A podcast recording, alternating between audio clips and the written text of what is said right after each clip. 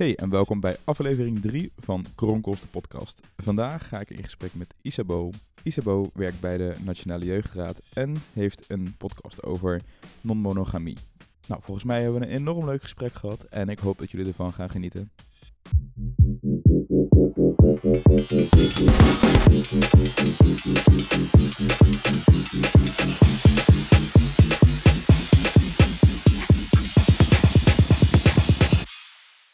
Maar ik moet zeggen, ik vind het vandaag wel extra spannend. Want ja, we hebben elkaar natuurlijk nog nooit in het echt ontmoet. Uh, Dus we hebben nu niet echt een band dat ik zeg van nou, ik, uh, ik, uh, ik weet al veel van je. Dus dat is voor mij extra leuk. Ja. Um, maar waar kennen wij elkaar eigenlijk van? Want misschien is het ook wel even leuk om toe te lichten. Ja, nou ja, ik werk voor de Nationale Jeugdraad. En jij loopt daar maatschappelijke diensttijd, dus sprint. En dat betekent dat je mee kan lopen bij allemaal projecten die wij doen. En ik doe een project over uh, LHBTQI plus jongeren. En ik wilde iets bedenken uh, wat heel erg leek op het project waar jij bij liep over mentale gezondheid. Dus toen ging ik jullie helemaal uithoren over hoe dat project werkte. Ja, en toen dachten we, hé, hey, interessant. ja, dat, ja. hey, dit kan ook. Ja, Moet altijd lijntjes ja. leggen, toch? Ja, precies. Nou, leuk. Hey, en um, ja, eigenlijk misschien wel even voor de mensen die, uh, die jou helemaal nog niet kennen. Um, waar woon je? Hoe oud ben je? Eigenlijk even de basisinformatie. Ik, yes, ik, uh, ik woon in Utrecht, in Kanaleneiland. In een hele hoge flat, dus ik kan de hele stad zien. Ik ben 26. Uh, nou ja, en dus ik werk dus bij Nationale Jeugdraad, een non-profit voor voor jongerenparticipatie met name. En verder maak ik een podcast en uh, over non-monogamie. Kijk, daar gaan, we, daar gaan we het later zeker nog over hebben. daar gaan we het nog wel over hebben. daar, heb ik wel leuk, daar heb ik wel wat leuke vragen over. En um, als we dan even naar de hoofdvraag meteen gaan. Um, want die had ik jou gesteld. Hè, van waarom denk jij dat anderen vinden dat jij afwijkt? En daar gaf je eigenlijk best wel een leuk antwoord op. Van nou, volgens mij wijkt iedereen af. Nou ja, ja daar uh, geloof ik ook heilig in. Uh, uh, maar het is juist ook mooi om te omschrijven waarom anderen denken dat je afwijkt. Zodat het eigenlijk misschien wel erop neerkomt wat je eigenlijk al zegt van volgens mij is mm. iedereen lekker uniek.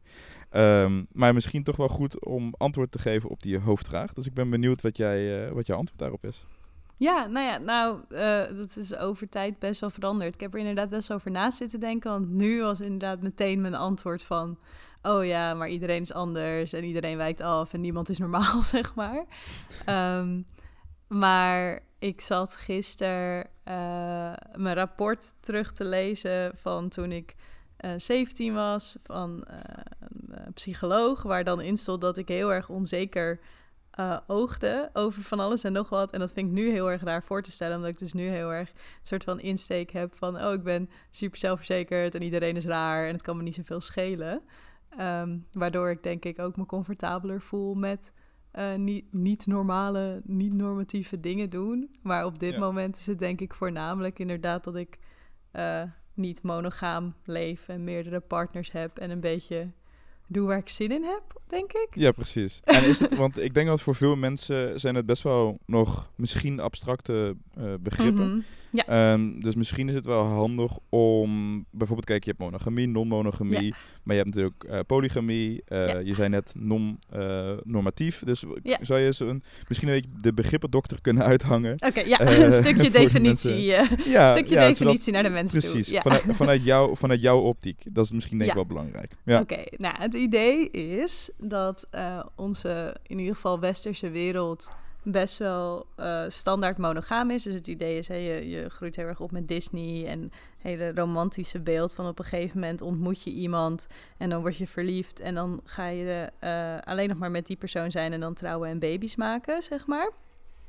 Mm-hmm. En uh, de meeste mensen kennen dan wel het idee van een open relatie. Dat is, nou, wat zal het zijn, jaren 60, 70 kwam dat in Nederland een beetje langzaamaan op. Of werd in ieder geval bekend dat mensen dat deden. Wordt natuurlijk al sinds mensenheugenis gedaan. Ik bedoel, vreemdgaan is ook gewoon een ding wat veel mensen kennen. Uh, maar daarnaast is er inderdaad ook zoiets als polyamorie. Of, uh, nou ja, jij zei net polygamie, maar dat is uh, trouwen met meerdere mensen. En dat is in Nederland in principe verboden. Okay. En eigenlijk in alle landen ter wereld bijna wel. In ieder geval voor vrouwen. Ja. Um, wow. Dat En, is, ja, is dat, is dat, ja, maar in ja. sommige landen mag het voor mannen dus wel, maar voor vrouwen is het dus ja. bijna er zijn, eh, er zijn een aantal landen waar, het, eh, waar inderdaad mannen wel met meerdere vrouwen mogen trouwen, maar vrouwen niet met Hm. meerdere mannen. Maar er is geen één land ter wereld. In principe, volgens mij, volgens mij is er wel in Nepal of Tibet gebeuren er soms wel dat soort dingen, maar dat is dan niet bij wet vastgelegd. Maar in principe kunnen vrouwen nooit met meerdere mannen trouwen. Ehm, en dan ga je natuurlijk ook nog eraan voorbij dat niet eh, alle mannen op mannen, of niet alle mannen op vrouwen vallen, niet alle vrouwen op mannen, et cetera, et cetera. Ehm, Maar polyam het idee van polyamorie is dat je verliefd kan worden op meerdere mensen en ook relaties wil of kan hebben met meerdere mensen tegelijkertijd. Zolang dus iedereen daarmee instemt en iedereen dat weet en het dus niet stiekem is. Nee, precies. En dat is dus onderling. eh, maar dus helaas in mijn optiek, tenminste, ik, ik vind dat wel iets dat ik denk van dat is een vrije keuze. Maar helaas is dat dus nog niet per wet vastgelegd dat dat, eh, dat, dat kan. Tenminste, dat je Nou, echt bij kijk, van spreken ja. met z'n allen zou kunnen trouwen. Nee, dat kan niet. Maar in Nee. Nederland is in principe... Ik zal niet opgepakt worden als ik zeg maar met allebei mijn partners over straat loop. Nee. Eh, dat, daar, daar, ik bedoel, hooguit zal iemand een beetje daar opkijken als we allemaal hand in hand lopen. Maar het is in ieder Ja. geval niet verboden om van meerdere mensen te houden. Want wij vinden dan dat de overheid daar niks over te zeggen heeft, zeg maar. ja, precies. Maar dan neem je dus zelf, dan neem je zelf dus je, je, je stelling in. Dus je, dat is, dat is wel, ehm, dus dat is alleen, het is, maar het is nog niet officieel gereguleerd. Dat is dus nee, nog niet. nee eh, zeker niet. Nee, Nee. Is nee, nog een überhaupt. is dat, zou dat, zou dat iets, zou dat verschil maken? Eh, nou ja, kijk, ehm, trouwen is natuurlijk iets wat mensen doen soms op financiële gronden, maar meestal omdat ze het mooi vinden of leuk vinden. En daar kan je nog wel een weg omheen vinden. Ik, heb, ik ben in 2018 heb ik een heel groot feest gegeven met mijn vriend en dat leek heel erg op een bruiloft. Maar dat was eigenlijk als je niet wist dat er wat anders aan de hand was, dan was het een bruiloft. Alleen hebben we dat niet voor de wet gedaan, want dan zouden we dus met niemand anders meer kunnen trouwen. Eh, het probleem met dat soort eh, wetgeving is eerder wat er allemaal ook nog aan vasthangt. Dus dingen als huizen kopen, eh, ouderschap, maar ook ouderschapsverlof. Zeg maar. de, het hele wetboek hangt vast aan het huwelijk tussen twee mensen. Eh, Ja. En dan het liefst nog een man en een vrouw, want anders wordt het weer ingewikkeld met partnerschapsverlof, dat soort dingen. ja, ja, ja, Ehm, ja. Dus, dus ik denk dat het vooral gewoon voor, voor mensen die dit soort relaties hebben, gewoon heel fijn zou zijn als je gewoon kan zeggen: deze personen zijn de ouders van een kind. Of ehm, Ja. deze personen mogen langskomen als ik in het ziekenhuis lig. Want dat hoor je Ja. bijvoorbeeld heel vaak, dat, eh, dat er dan maar één iemand het ziekenhuis in mag als iemand Dus in het ziekenhuis ligt. Dus het is niet eens een. ehm, de- het is eigenlijk ook gewoon een praktisch stuk. Dus het is eh, omdat het gewoon misschien niet mogelijk is, omdat er gewoon geen regelgeving is. Eh, of misschien heel veel onwetendheid. Ja, ja, dat denk, ja, ik denk dat het voor de, waar mensen vooral tegenaan lopen is inderdaad van... Goh, we zijn met z'n drieën, we hebben allemaal een goede baan, we willen een huis kopen. Oh, dat mag niet, Ja. want de bank ziet ons niet als eh, financiële partners, zeg maar. Maar dat, is, ja, dat lijkt me best wel frustrerend. Eigenlijk. Mhm.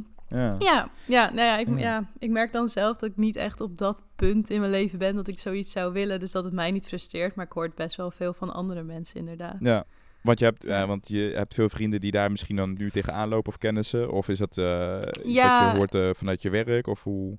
Eh, ik heb me op een gegeven moment aangesloten bij een stichting die zich inzet voor nou, niet-monogame relaties en die daar mee bezig is. En toen, dan krijg je steeds meer dit soort verhalen, maar dan hoor je natuurlijk ook de meest schrijnende gevallen. Dus zeg maar mensen die eh, scheiden van hun partner omdat anders hun kind niet hun kind meer is, terwijl ze gewoon nog samen zijn. Het is allemaal dat soort vreemde dingen waar de wet niet meer echt voor je werkt, voor de situatie waar je in zit Maar- inderdaad. Eh, Wat zou, wat zou een oplossing kunnen zijn? Is, is er, is er een, eh, een, een afdeling die zich hiermee bezighoudt? Eh, of, of Ehm, Is- Nou ja, wat, wat we met die organisatie... Het is de Stichting Polyamorie Nederland. En wat we altijd proberen te doen is als er een herijking is... of een, eh, een wet die herbesproken wordt... dan geven we wel onze input.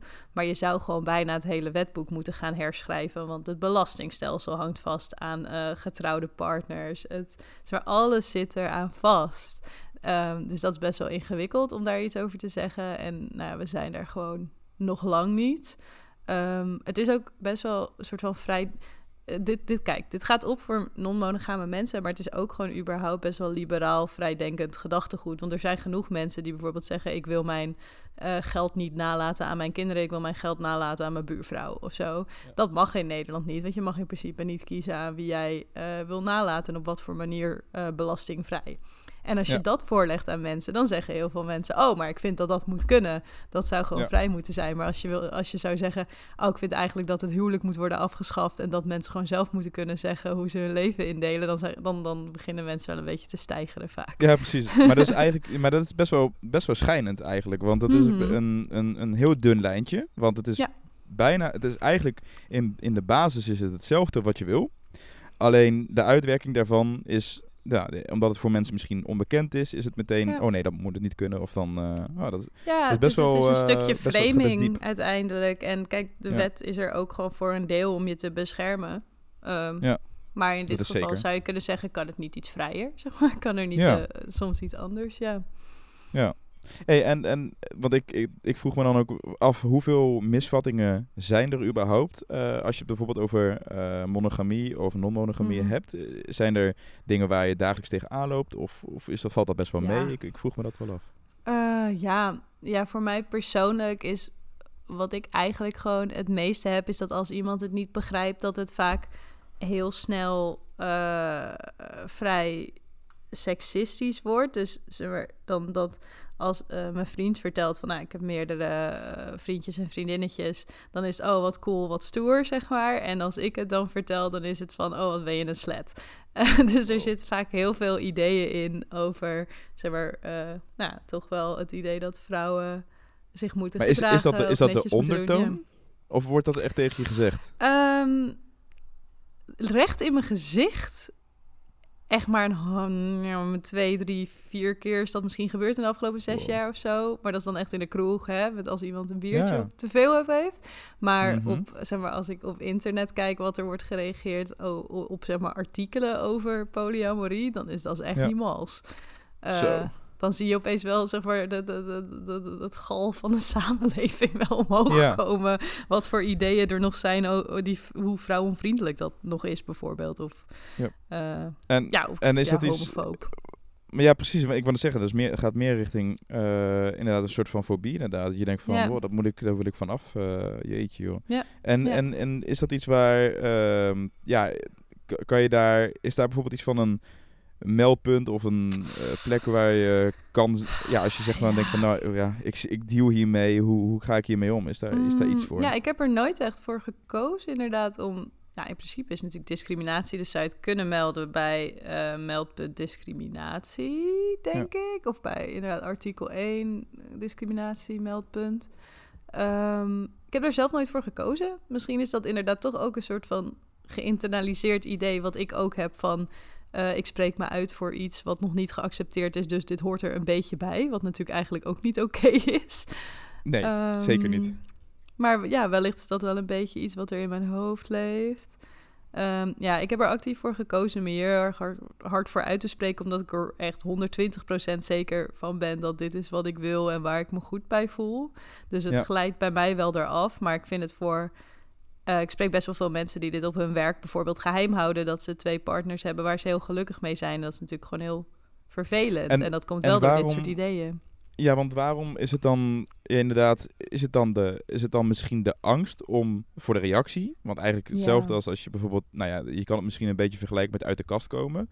Mhm. Eh, dat is natuurlijk ook best wel, eh, vooral eh, als jij, in ligt eraan in wat voor omgeving je opgroeit, maar als je in een bepaalde omgeving opgroeit waar bijvoorbeeld door je ouders grapjes gemaakt worden of wat dan ook, dat je denkt van oeh, ik hou me maar even in of ik durf het niet te zeggen, lijkt me best wel hetzelfde, Ja, dezelfde ja. situatie. En, maar dan vraag ik me eigenlijk af van, wat zou, er kunnen, wat zou je kunnen veranderen op bijvoorbeeld de werkvloer, zodat het, nou, dat je niet het idee hebt dat je erop op wordt afgerekend als je zegt van nou dat heb ik of de- zo voel ik me of ik Ja, ben zo of wat zou, daar, Ja. wat zou daar nog in kunnen veranderen? Het is natuurlijk heel erg vergelijkbaar inderdaad met die, eh, met die ontwikkeling die de LHBTQ plus gemeenschap heeft doorgemaakt. Ik heb inderdaad een keer gezeten met de directeur van COC, wat zeg maar in Nederland de grootste organisatie voor eh, eerst homorechten en nu LHBTI-rechten is. Mhm. En die zei gewoon, ja, jullie gaan precies er doorheen waar wij doorheen gingen in de jaren 50. Dus eh, ja, hou een beetje vol, want het duurt nog wel even, zeg maar, was eigenlijk zijn, eh, zijn advies. Ehm, Wow. Dit soort dingen gaan langzaam en dat vind ik zelf super frustrerend. Het idee dat ook eh, eh, Nederland zo, doe maar normaal, dan doe je al gek genoeg, is. Ja. En tegelijkertijd dan weer van, eh, leven en laten leven. Terwijl dat dan, als er dan iets ook maar net te ver over het lijntje gaat waar we het niet Ja. kennen, of dan, is, dan zijn we niet nieuwsgierig, maar toch weer veroordelend.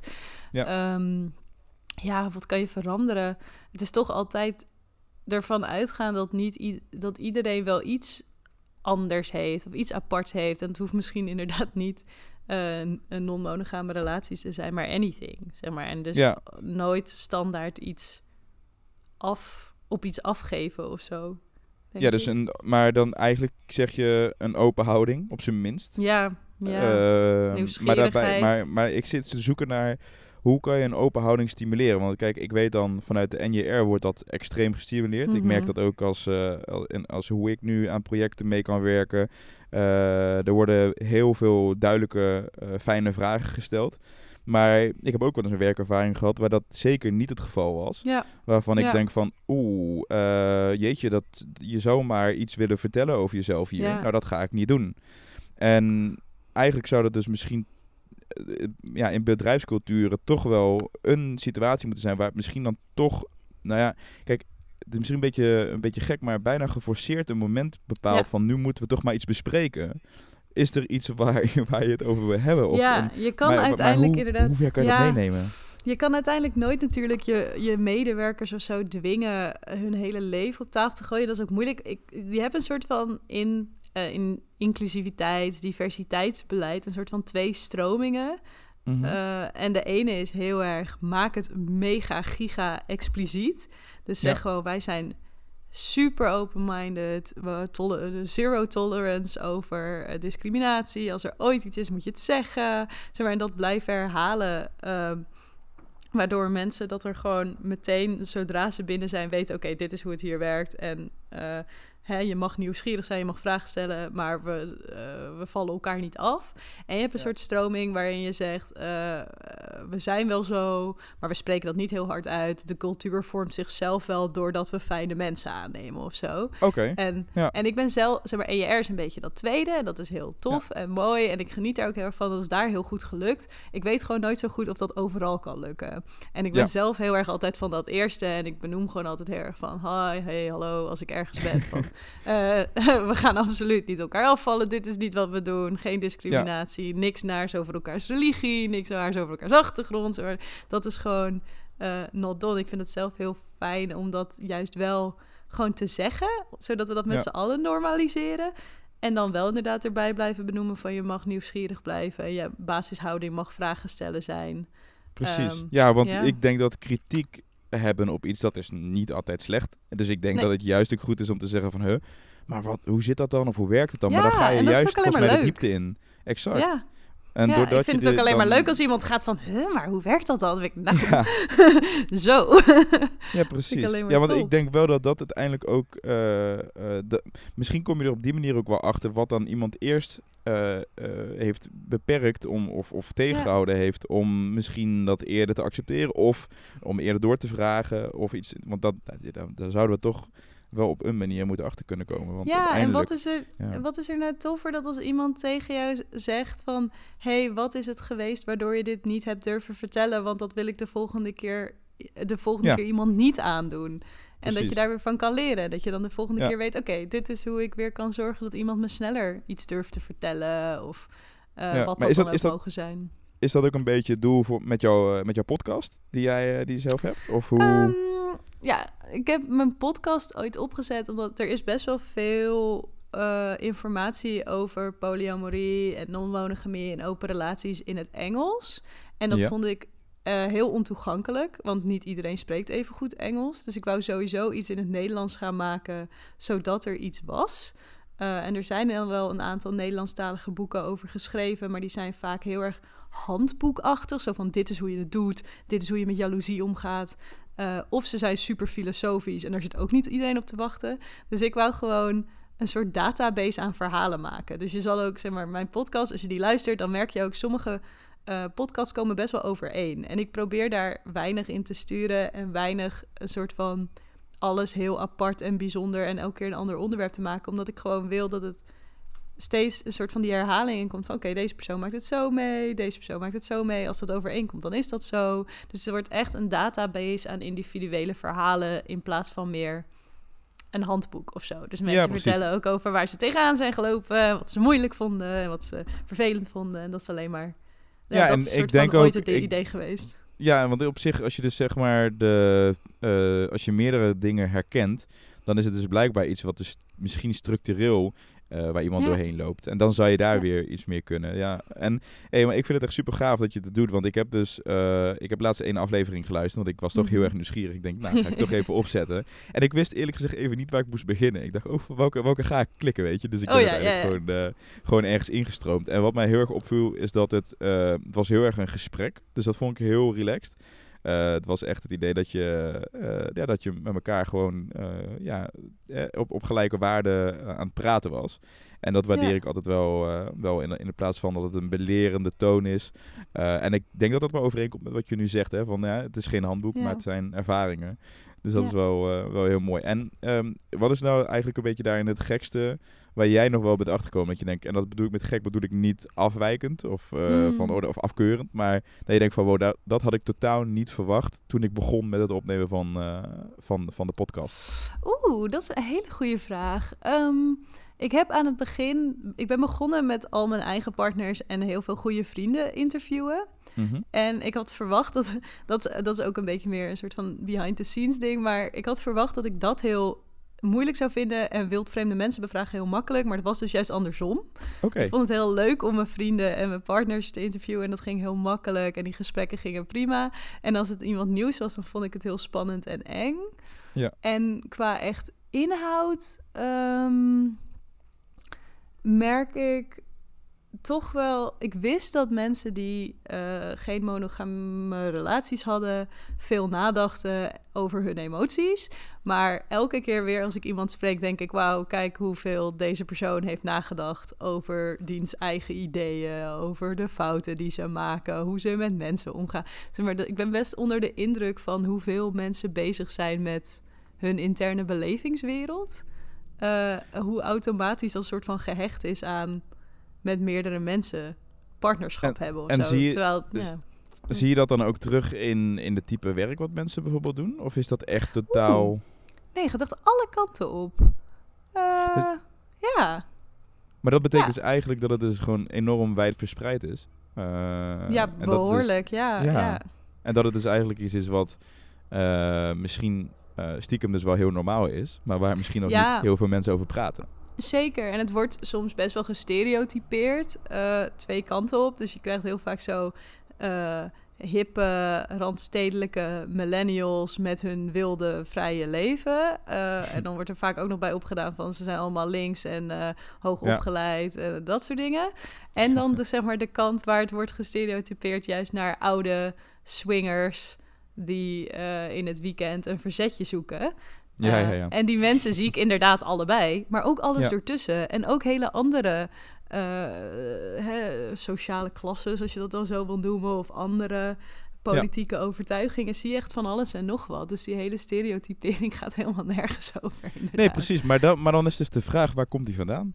Waar komt dan het, het stereotype vandaan? Ja, we- dat willen we graag hè, als mensen. Mensen kunnen, Ja. willen we in hokjes kunnen indelen of zo. En nou ja, bij, er, kijk, tuurlijk, elke generatie is weer, is, denken we, iets vrijer dan de vorige. Dus misschien als dit dan opkomt, dat mensen heel snel denken... oh, dat zal wel bij jonge mensen horen. Hoor Ja. ook op zich wel dat de wat oudere polyamoristen vaak iets meer zich schamen, iets meer eh, een wat, eh, nou, een, een wat rigidere vorm erop nahouden. Dus dan doen van, oké, eerst had ik één partner, nu heb ik er twee. Ik doe eigenlijk gewoon twee keer hetzelfde als wat ik eerst deed.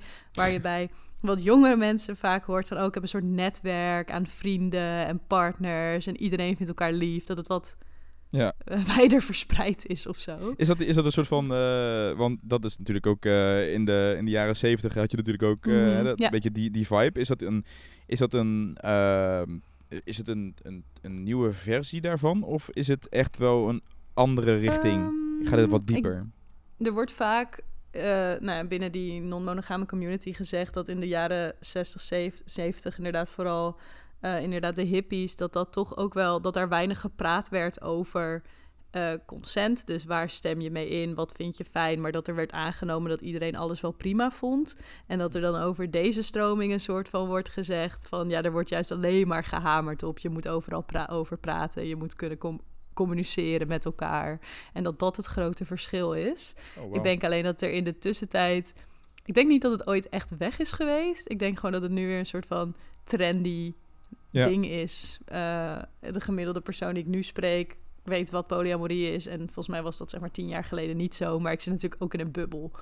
Dus ja, dat, dat nee, dat is ook zo. Maar is het, is het dan bijvoorbeeld misschien al die jaren gewoon een soort van op de achtergrond verdwenen qua gespreksonderwerp? Of uh, want ik vraag me nou wel af hoe dat dan ontstaat. Dat het opeens dan weer een, uh, een onderwerp van gesprek wordt. Ja, interessant uh, dat kan is natuurlijk, hè? Maar het kan natuurlijk ook komen omdat jij op een gegeven moment denkt van... nou, ik start een podcast. Iemand anders denkt, ik ga een website beginnen, een blog. Kijk, het kan natuurlijk ook een beetje de tijd zijn. Dat je zegt van, hè, want een, een, een, een podcast hebben is natuurlijk al niet meer uniek. En een website hebben we al helemaal niet. Uh, dat het op een gegeven moment ook is van, ja, er zijn zoveel onderwerpen nu besproken. Nou, nu durf ik wel een nieuwe stap te zetten. Dat zou het ook kunnen zijn. Maar... Ja, of dat inderdaad mensen toch ergens weer... Dat er, er hoeft maar één journalist te besluiten, ik wil hier iets over schrijven natuurlijk. Er heeft in... Uh, wat was het? Ik denk 2014 of 2015 heeft er een heel uitgebreid artikel in de Volkskrant gestaan. En eigenlijk daarna bleven er dus bij, nou, bij die stichting waar ik dan bij zit, bleven er maar uh, aanvragen binnenkomen van allemaal andere tijdschriften, allemaal andere kranten, allemaal andere tv-programma's. Dat, dat volgt elkaar soort van op. Zeker in zo'n zo klein medialandschap als Nederland. Als één iemand ergens over schrijft, dan denkt de rest, oh oké, dat is dus blijkbaar hip nu. En dat steekt elkaar allemaal aan. Is dat, is dat, dus een, is dat een enorm uh, kracht die misschien wel onderschat wordt? Dat je, dat je daar juist misschien ook wel heel positief gebruik van kan maken? Zeker, maar ook dat zeg maar, bijvoorbeeld media zelf niet moet onderschatten wat voor sturende kracht in, een, in de maatschappij ze überhaupt zijn. Denk ik. In hoe zij over dingen schrijven, hoe erg dat uitmaakt voor hoe mensen denken. Ja. Maar je kan er inderdaad ook heel positief gebruik van maken. Ja, ja want ik denk dat je, dat je wel uh, in dat opzicht je. Ja, nou ja, als je op een gegeven moment inziet hoe een systeem werkt, dan ja, vind ik ook wel dat je daar op, uh, gebruik van kan maken. Zeker. Uh, want nou, ja, op, en vooral ook als je een boodschap wil verkondigen die, uh, nou ja, die meer verkondigd moet worden. Dus het mhm, zou ook kunnen zijn dat misschien ten opzichte van 10, 15 jaar geleden het een stuk efficiënter is nu allemaal. En dat daardoor dus die, die stappen kleiner zijn. Kijk, dat zal zeker ook hebben uitgemaakt dat, dat er meer uh, informatie beschikbaar is voor iedereen dan 15 jaar geleden. Hè? Je, je typt één woord in op Google en je hebt je hele ja. uh, informatiebank voor je. En ergens denk ik ook wel dat hè, aan, aantrekken van het feminisme de afgelopen nou, 7, 8 jaar of zo. Uh, wereldwijd, in ieder geval ook wel in Nederland, dat dat natuurlijk ook helpt. Als er dan vrouwen opstaan die zeggen: Dit is hoe ik mijn seksleven wil inrichten met meerdere mensen, dat dat dan ja. uh, het goede moment was. Dus ze kunnen, met, dus ze kunnen met elkaar meestromen in dat opzicht. Ja, ja, ja. Het, ja het kan mee met bepaalde inderdaad LHBT-rechten, vrouwenrechten. Uh, ja. Ja, precies. En is dat ook iets wat je met de Rainbow Academy, als je daar zeg maar nu naar kijkt? Want je geeft als goed is workshops, toch? Uh, de Rainbow Academy nou, is dus mijn project bij NJR en uh, is op dit moment een offline trainingsprogramma. Of tenminste, nu is het online, maar normaal gesproken is het offline. Ja. Uh, met, ja, met trainingen voor jongeren die LHBTI-organisaties leiden. Ja. of, LHB, of zelf bijvoorbeeld workshops geven, of die bij COC uh, werken of die homo-studentenvereniging bestuur zijn, dat soort dingen. En mhm. wij trainen hun weer om dat beter te kunnen doen. En dat gaat van antiracisme workshops tot suïcidepreventie tot fondsenwerving. Dus dat is heel breed. Ja. Um, maar ja, ik heb, ik heb polyamorie of non-monogamie nog nooit echt daarbij betrokken. Dus dat is ook wel interessant of ik dat een keer wil doen misschien. Ja, is dat, is, uh, of ben je dan, stel voor je zou dat doen, heb je dan het idee dat je dan misschien je eigen stuk, uh, nou ja, doordrukt? Of heb je Ja, dat ik misschien dat er te veel op push. En er is ook wel, er is ook een heel erg een stereotype dat bijvoorbeeld uh, dat mannen die op mannen vallen veel meer vreemd gaan of veel meer open relaties hebben dan hetero's hebben. Uh, en je wil dat ook niet een soort van ja, in je eigen voet schieten of zo. Uh, dat, dat je een soort van zegt dat moet de standaard zijn. Want er zijn natuurlijk ook genoeg mensen die dat niet willen. En dat is ook oké. Okay. Uh, Maar, maar ik weet zijn het niet helemaal, ja. is, is er een soort van databank met eh, cijfers om dat bijvoorbeeld te bevestigen of te ontkrachten? Nee, ja, onderzoek naar, naar non-monogamie is zo'n ontzettende bende. Zeg maar, alleen al het cijfer van zeg maar, mensen die niet monogaam zijn eh, en dat niet consensueel doen, dus zeg maar vreemd gaan. Ja. Eh, dat cijfer, hoeveel mensen vreemd gaan, loopt echt uiteen van, ik geloof 15% tot echt 60%. Nou, dat is gewoon veel te breed. Ja. Eh, het, het enige wat je kan zeggen is dan, er gaan mensen vreemd. Ehm, dus er is bijna, er is zo weinig onderzoek naar dit soort onderwerpen. En als het er is, dan is het in Amerika. En dan leef je weer in een hele andere eh, society, waar bijvoorbeeld de kerk nog veel groter aanwezig is dan in Nederland. Dus we kunnen er eigenlijk nooit iets over zeggen. En dat is ook wel eens jammer. Dan krijg Maar het lijkt me heel vet- moeilijk ja. Want het lijkt me heel Hmm. moeilijk beleid maken zonder echt feiten Zonder te hebben. cijfers, ja. Ja. ja. en nou ja, zoals ik ook al zei, we zijn denk ik nog lang niet bij het stuk van beleid maken. Het is denk ik hooguit soms eh, laten weten dat bepaalde dingen anders zouden kunnen. Zoals, ehm, nou, er was vorig jaar, dus had je de staatscommissie herijking ouderschap. En dat ging voornamelijk over, eh, over eh, partnerschap voor regenbooggezinnen. Dus dat gaat dan over een draagmoeder voor een homostel. Of en hè, hoe regel je dan ouderschap? En toen hebben we dus een brief gestuurd met: hey, dit is ook vet fijn voor iedereen die met z'n drieën een kind heeft en dat gewoon bewust heeft gedaan. Maar Ja. dan zegt al heel snel gewoon zo'n zo'n staatscommissie van ja, we nemen het mee, maar eh, ga er maar niet van uit dat dit op een manier wordt ingedeeld waar je iets aan hebt. Maar soms dan wordt er zo'n wet gemaakt en dan eh, kan, kan je er wel gebruik van maken. Ehm, Ja. En dan is dat toch een soort van loophole die je dan krijgt. Ja, precies. Ja, nee, Ja. precies. Want dan is het niet, niet misschien, ja, stiekem niet de intentie geweest. Maar Nee. dan is het er en dan ligt Nee. het er. Maar wat voor, en, en niet om, om, om die mensen af te vallen, maar wat voor type Hm. mensen zitten op dat soort functies? Omdat, ja, ik denk als daar, zitten daar eh, jongeren of zit dat, zit dat Oh, 50 in zo'n staatscommissie. Ja, Eh, nee, dat zijn, dat zijn allerlei. eh, dat zijn, eh, zeg maar. maar het, zijn, het gaat over- van alles. Een staatscommissie bestaat meestal uit Eerste Kamerleden, maar ook wetenschappers. En dat gaat dan. Dan zitten er bijvoorbeeld orthopedagogen bij, die dan wat dingen weten over hoe kinderen opgroeien. En allemaal dat soort mensen. En die gaan dan dat soort dingen bedenken. Maar kijk, het is ook goed. Het is goed dat zo'n zo'n zo'n zo'n zo'n staatscommissie er überhaupt is. En gaat nadenken hoe kunnen we zorgen dat ehm, drie mensen die een kind hebben op een onconventionele manier, hoe we die kunnen steunen. Alleen ze vergeten dan hoeveel onconventionele manieren er wel niet zijn, denk ik. Ehm, Ja, precies. Ja, ja, maar oké, maar dat is, ik denk dat het wel heel erg... Kijk, op het moment dat het in jouw eigen omgeving speelt... kan je natuurlijk veel meer vanuit persoonlijke ervaring eh, ook eh, delen. En ik denk op het moment dat Ja. al die mensen die dat eventueel niet zouden hebben... want dat is wel waar- waarom ik het ook vraag... Die, dat, dat, dat, dat zou ik bijna denken van op het moment dat je dat zelf ervaart... zou je dat ook hoger op je agenda zetten. En op het moment dat je het niet ja. ervaart... dan zet je het wat lager op je agenda. En dan kan het misschien best wel eens... Nou ja, misschien wel als eh, zeurend overkomen als je bij wijze van spreken, nou ja, tien keer per maand een, eh, een mail krijgt van hey, vergeet ons Mhm. niet, vergeet ons niet. Ja, Terwijl ja, het zeker. Totaal niet zo bedoeld is. Dus het oh is ja, het lijkt, me, het lijkt me ja. heerlijk om erachter te komen dat er dat, dat bijvoorbeeld een Tweede Kamerlid of zo blijkt eh, twee partners stiekem te hebben. Oh, Ja. dat zou ik echt helemaal uitmelken. Maar Ja, maar en dat zou terecht. top zijn. Want dan, ja precies, Ja. want dan kan je ook meteen denken, waarom moest dat stiekem?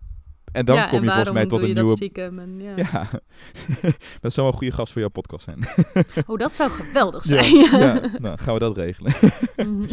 nou ja. Hey, en, eh, en, en, en kijk, je, bij, vooral bij het werk wat je dan doet, is dat is natuurlijk gericht op jongeren. Waarom? eh, want ik neem aan dat je die keuze bewust hebt gemaakt.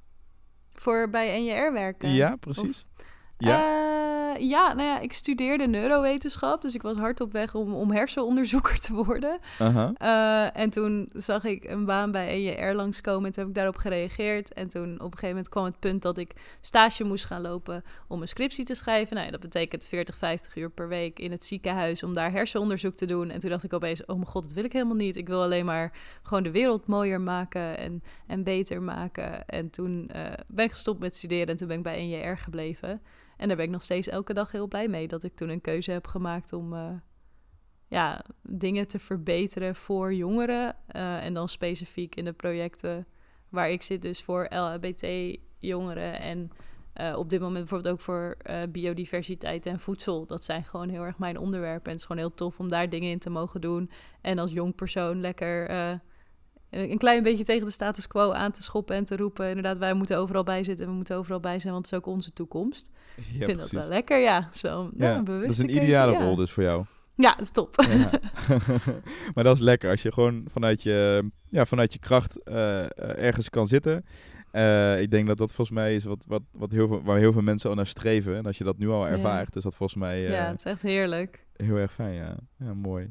Hey, en Ben ik ik ook- vroeg ook... Ja, nee, wat wou je zeggen? Oh, ik wou zeggen, van, nee, ik ben ook heel benieuwd waar ik eindig als ik uiteindelijk te oud word voor de Nationale Jeugdraad, waar ik dan naartoe moet. Maar, De Nationale Ouderenraad. oh god. maar dan ben je misschien wel 60 of zo, hè? 50. Dat kan. nou, dat scheelt. Ja, ja, precies. Nee, wat ik, wat ik, eh, wat ik, ik vraag dat ook altijd van, nou, hè, noem eens een hobby. Daar, en da- da- daar kwam je niet helemaal uit. Oh nee, zei ja, ik vind, hobby's. ja, Heb ik niet. hobby's. Nee, ja ik, ja, ik vind mijn werk dus heel erg leuk. En ik probeer ook het leven een beetje te benaderen eh, zonder opsplitsing tussen werk en privé. Dus ook Mhm. als iemand zegt van eh, wat doe je, dat vind ik dan prima om daar ook op te antwoorden. Nou, ik doe dingen met jongerenparticipatie, maar ik maak ook een podcast. eh, terwijl, en dan zegt iemand, oh, maar verdien je daar dan geld mee, die podcast? Dan ben ik echt, nee, nee, nee, dat kost me geld. Ja, precies. Ehm, dus ik, ik probeer die opsplitsing daartussen niet zo hard te zien, zodat ik ook overal een beetje van blijf genieten. Nou ja. En voordat eh, corona er was, zat ik gewoon heel erg graag buiten in het park met een biertje, zeg maar. En dat was dan ook wel echt mijn ultieme ontspanning. ja. Eh, en ik hou wel van een beetje dansen. En, en maar ja, dat is allemaal zo. Ja, is dat een hobby? Ja, I guess. Maar Ja, tuurlijk. Ja, gewoon ik van mensen. denk, maar ik vind het een mooie, want ik heb ook wel eens mensen horen zeggen van, eh, ik moet werk en privé heel hard scheiden. Want anders Ja. dan heb ik het idee dat ik altijd aan het werk ben. En jij zegt eigenlijk, ik, eh, mijn werk vind ik zo leuk. Dat is eigenlijk iets wat, nou, wat integraal door mijn leven loopt. Ja, Eh, zeker. en daardoor is dat ook misschien wel mijn hobby en mijn werk en noem het allemaal maar op. Het is gewoon één Ja, lijn. Zeker, zeker nu, nu natuurlijk alles gewoon thuis gebeurt. Eh, ik had weinig moeite met die overstap, omdat ik dus inderdaad, ik klap mijn laptop open en dan kan het zijn dat ik iets ga doen voor tussen aanhalingstekens mezelf of voor mijn werk, dus voor NJR. Maar ik heb ook mijn eigen bedrijfje waarmee ik soms communicatiedingen doe en alles loopt gewoon een beetje door elkaar. En dat vind ik juist heel fijn. Ja. Eh, ik, ik merk natuurlijk wel bij het ene dat je je er soms toe moet zetten en bij dat andere dat dat dan niet zo is. En ik probeer ook echt wel op een gegeven moment te zeggen: Oké, nu is het klaar, nu ga je eh, ontspannen. Maar ja, die lijn eh, is wel een beetje vaag soms. Ja, precies. Ik, ik, vind dat wel, eh, ik vind dat wel heel gaaf. Ik, ik, ik denk dat het, eh, als ik het even op mezelf betrek, heb ik ook wel eens eh, periodes gehad waar werk en privé, nou ja, dat ik dat inderdaad niet meer, eh, daar zag ik het verschil niet meer tussen. En dan, Mhm. dan weet je wel echt dat je op een, eh, op een heel goed pad zit. Als, het ook, als het je geen onnodige stress oplevert. Ja, absoluut. Ja, dus ik vind dat ook niet per se een hele harde grens. Maar op het moment dat het een het andere opslokt bijvoorbeeld... en je merkt dat je gewoon ook dus echt geen vrije tijd hebt... want ik denk dat vrije tijd ook ja. extreem belangrijk is... Mhm. dat, dat, dat dan moet je maar eens gaan nadenken van... Zit, li- ligt het nog eh, in balans? Ja, ik ben ook Eh, nog steeds ja. gewoon een, een extreme planner hoor. Dus er staat Ja. ook wel gewoon netjes in mijn agenda tot wanneer dingen duren. En dat helpt Ja. hier natuurlijk heel erg bij. Heel fijn. En uiteindelijk word je natuurlijk voor een x aantal uur betaald in loondienst. En ik Ja. ben ook wel goed in niet over die uren heen gaan. Of mezelf helemaal naar de. eh, ja, dat heb ik eh, inderdaad ook een paar keer gedaan. En dat gaan we niet meer doen. Nee, precies. Nee, maar, dat, maar dat is dus een mooie, een mooie eh, les die je dan uit jezelf geleerd hebt. Hè, Ja. van, daar ben je zelf even tegengekomen. En dan denk je van, oké, cool. Eh dat gaan we niet meer doen. Dat gaan we niet meer doen. Maar, maar volgens, mij, volgens mij is dat een heel, een heel... Ja, dat hoort volgens mij ook bij, bij jong zijn. En bij... eh, Ja. eh, ja, misschien wel leren werken. Ik denk dat je... Je bedoel, je hebt nooit leren werken. Ja, ten, ja tot het Nee. moment dat je gaat werken. Absoluut. Dus ik denk En- dat leren werken heel belangrijk is. Ja, en dat ligt ook wel een beetje, denk ik, aan in welke, in welke eh, hoek of tak van sport je zit natuurlijk. Ik bedoel, als je gewoon, weet ik veel, bij een bank werkt en je hoort daar van 9 tot 5 te zijn, dan is het een stuk duidelijker dan inderdaad de non-profit sector, waar eh, al je hobby's en bijvoorbeeld op eh, zondag bij een eh, demonstratie staan, een soort van ook wel voelt als iets wat bij je werk past. Ja, precies.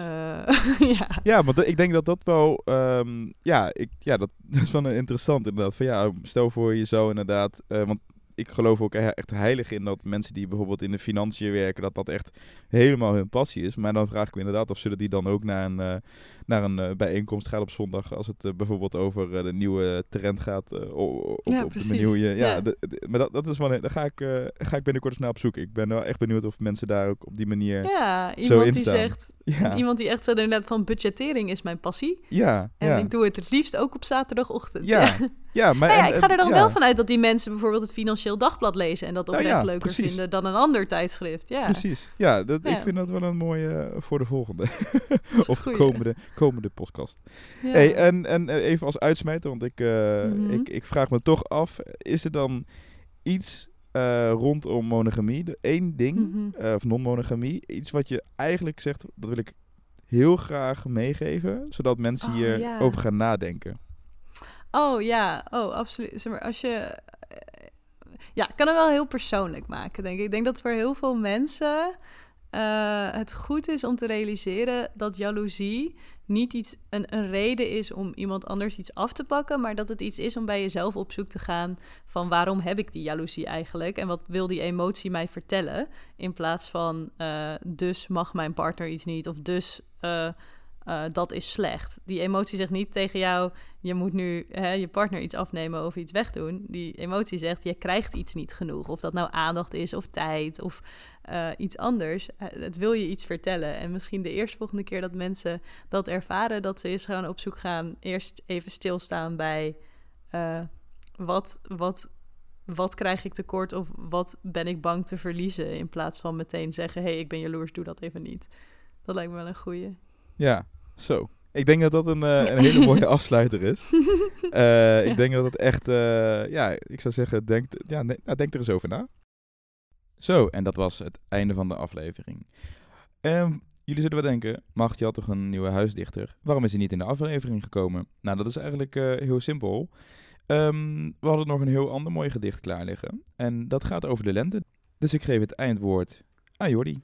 Wanneer ontlading opstuift uit vers gemaaid gras. Wanneer plotse spetters palmen besmetten, oogleden beletten wazig blauw door zonnestralen. Haar zachte schemerbries blaast een arm om mijn schouders. Rupsen ontpoppen zich halverwege, pollen dansen in het park. Een koppel in het prille, bloeiend als de bloesem waar zij onder staat. Pijnlijk rood verraad dat wij daar al even staan. Zij geeft mij kippenvel, kalmeert met haar roze nacht, nadat zij geel met rood en paars samenbracht.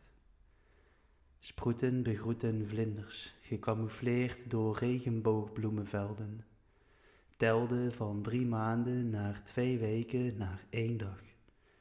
Nu staat zij hier voor mij, kietelt ontlading onze voeten, vrolijke vogelmelodieën begroeten, haar stralen strelen mijn wangen, temperen mijn verlangens. De lucht in haar blauwe ogen, kuiltjes in weerskant. Zij op haar tenen, haar lippen op de mijne.